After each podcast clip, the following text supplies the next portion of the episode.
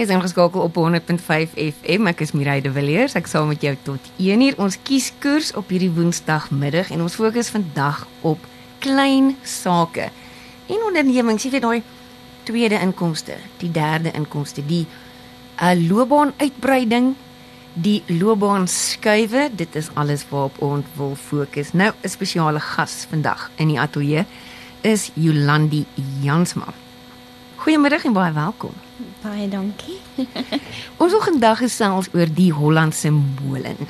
Dit is ek wil sê dit was 'n familiebesigheid wat jy verlede jaar weer op die been begin bring het. Ehm um, ja, ja. My ehm um, dit ek dink dit was 'n bietjie voor verlede jaar gewees. Ek kon verlede jaar was al 2023. Ja, dink dit was hier by 2020 dink ek. Werklik? Okay. Ja, het ek um tydens lockdown het ek begin om um te oefen, te speel met uh, resepte van my skoonpa. En um dit so geniet toe heeltyd begin doen, elke aand na werk, die heeltyd, elke oggend voor werk, bestellings se kry, bestellings afgelewer voor en na werk. En um ja, so het dit maar gegroei en toe op 'n stadium het ek so 2022 vir my skoonpa gesê ek dink dit is nou tyd dat ek um bietjie meer leer as om net stroopwafels te maak want ek het net met stroopwafels begin. dit het my al sy resepte en al sy geheime en sy by bakvormpies gegee en alles en um hulle het hier na toe gekom vir 'n vir 'n vakansietjie en my geleer om koeke te bak en in daai vakansietjie net die dag toe hulle ry toe breek my skoonma heup. Toe moet sy bly um, vir omtrent 2 maande 3 maande in die hospitaal. En toe het ek my skoonpa lekker tyd om te bond en te groei en te bak. Toe leer jy nou regtig die geheime. ja. Maar waar het dit begin want hy jou skoonpa is 'n Hollander. Ja. En dit is die bakkery wat hom laat Suid-Afrika toe verhuis het. Ja. My skoonpa, my skoonma ehm um, het 53 54 jaar gelede het hulle ehm um, my skoonpa gereageer op 'n klein klein advertensie in 'n koerant in Holland waar waar 'n Hollandse bakker in Suid-Afrika geadverteer het om te sê hy soek 'n bakker en dit my skoonpa gereageer en hy het oorgekom. My skoonma my skoonpa het met elkeen met 'n koffer gekom. En hulle het um hier kom werk bly en werk en Robin is gebore net kort daarna in Suid-Afrika. So hy's 'n import. Hy's daar vanaf hier na toe gebring.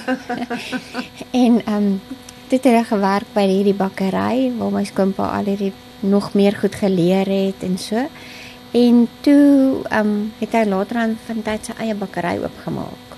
En dit was al die jare in Paul Kreerstraat in Pretoria.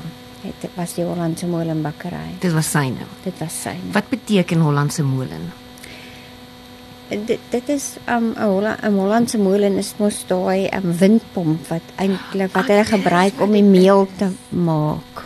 Wat 'n gepaste naam. Ja. Wat is jou skoonpa se naam? Frank Jansma. So hy het mettertyd afgetree. Ja, nou, hy het afgetree ja. Hy hy en my skoonma is nou afgetree, maar hulle ehm um, my skoonma was al die jare betrokke by oue huise. Sy was die direktrice van die oue huis, Hollandse oue huise. En toe hulle nou vir die pos gekry het in Kempton by die Hollandse oue huis, die Oranje Sigт oue huis, toe het hulle my skoonpa gevra of hy nie ehm um, die maintenance manager wil wees nie. En dit was so gepas geweest en hy laat dit so om te kuier by al die tannies en die ooms en almal se goed reg te maak en so ja, hy hulle is in heaven. Ba uh, draai vir hulle gebak aan. Hy weet jy wat, ek gaan dit nie glo nie, maar my skoonpa in daai ou huis waar hy is, bak nog steeds elke week tussen um ek en hy so kompetisietjie. Hy bel my elke maand. Hoeveel koeke het jy hierdie maand gedoen? dan sê ek, sê hom 60, dan sê hy, "O, ek het 52 gedoen." Hou jou gemotiveerd, nê? Ja. Of hom? Ja. Weet jy hoekom wat het hom genoop om 52 jaar gelede op daai piepklein koerant advertensietjie te reageer? Hulle was maar jong mense en um hulle was pas getroud gewees en um wou explore dink ek. Ja, dis dis maar wat hulle wou gedoen het. Hulle wou net um oor see gaan. En toe kom werk hulle hier. Avontuur gesoek en gekry. Mhm. Mm So jy toe in lockdown, was dit verveling wat jou tot stroopwafels gedryf het? ja, ek moet sê Is dit? ja, ek het um ek kan nie stil sit nie. So ek nadat ek my hele huis skoon gemaak het en alles weer skoon gemaak het, toe het, Robin dan gesê, "Is daar niks anders wat jy kan doen nie?" Toe, want jy werk natuurlik op die huismense se senuwees. Ja, Mhm. moet ek heeltyd skoon maak. Dis bes, bes, begin ek be, eers beskuit bak. Dan kyk ek, "O oh nee, dit is boring. Dit is vir my dit gaan ek nie vir, vir my doen nie." Toe begin ek die stroopwafels bak want 'n um, 'n ander vriend van ons het um nie lank voor dit nie het hy um vir vir homself 'n stroopwafelmasjien laat inkom so, met 'n vriendin. Toe sê hy, "Wil jy ook een hê?" Toe sê ons, "Ja, ons wil ook een hê."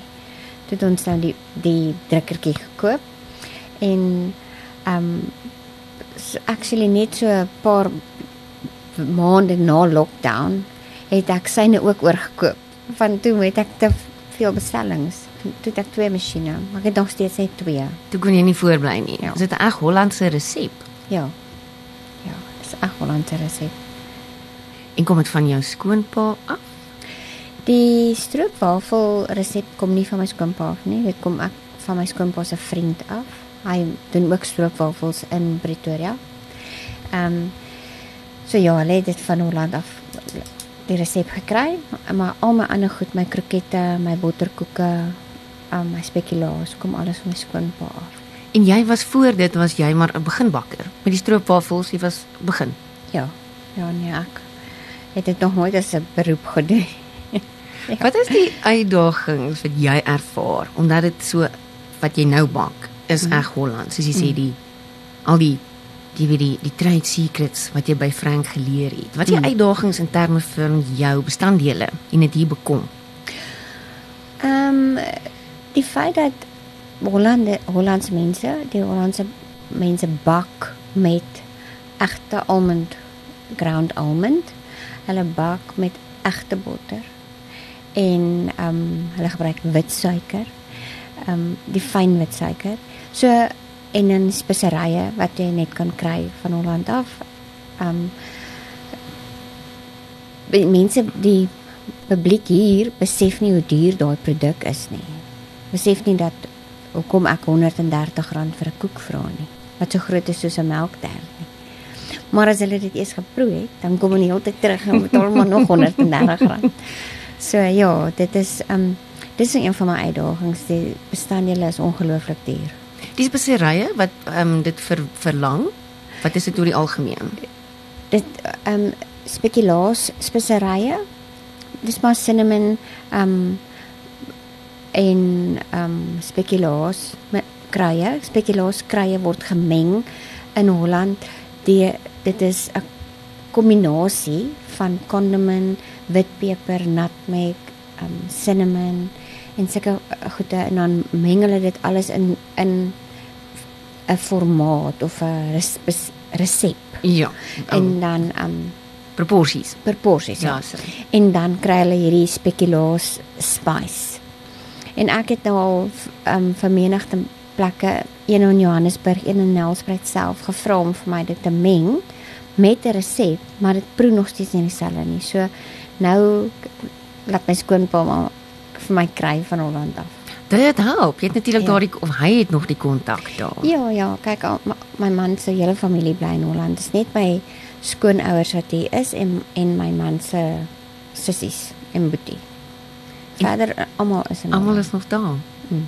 So okay, die spekulaas moet absoluut ingevoer word. Is daar 'n manier dat jy jy weet 'n cheat sheet in terme van jou ander bestanddele bestanddele of mag mens nie? Want dan is dit nie reg nie. Ek wil ja, dit is nou die ding. Dat mens kan seker 'n um, kroek 'n um, bietjie uh, iets anders te gebruik, maar 'n um, 'n 'n botterkoek is 'n botterkoek omdat dit met botter gemaak is. Dit sal mos nou 'n margarienkoek wees as jy margarien gebruik.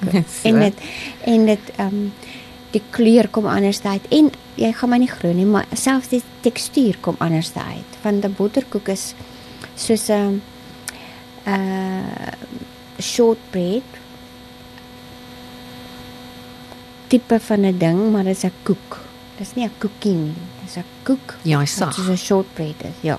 Ek verstaan. Ja. Is van die resepte wat jy by Frank geleer het sy eie. Ja. Soos byvoorbeeld die vleispastytjies. Is is my skoonpa se eie eie resepte en die krokette is ook my skoonpa se eie eie resep. So dan gaan ek jou nou nie vra om die familie resepte uit te Sal nie. lap nie. Maar wat is die geheim van 'n goeie stroopwafel? Die geheim van 'n goeie stroopwafel is die stroop eerstens, ehm um, en dan ehm um, die koekie, die deeg, ehm um, wat ek wat ek gebruik laat ek vir 'n nag in die yskas staan. So niks niks van Hollandse gebak wil ek by by sê is vinnig nie, hoor. Alles is tydsaam. Dis beplan. Dis voor en na Alles die tyd. Dit is rus. Dit moet rus. Ja. So ja, die, as die hoe langer die deeg tyd het om te rus, hoe beter die stroopwafel en hoe beter die botterkoek selfs. Waar is jou afsetpunte? Daar is 'n groot beweging vir plaaslike markte. Ja. Ja. Ek doen um, ek het ek het tot nou toe probeer om al die markte te doen en ehm um, op die laaste ruk ehm um, het ek maar gefokus op die wat ehm um, vir my die beste gewerk het. Ek hou baie van Kaapse Hoop se foodie fair. Ehm um, dis my goeie mark en ek en die Vriendsmark doen het ek altyd gedoen. Maar ehm um, ons het onlangs nou um ons rigting verander. So ek het nou gaan binnekort my hele bakkery wat by my huis is skuif na ons nuwe venture toe in die dorp. En dan kan dit mense daar kom.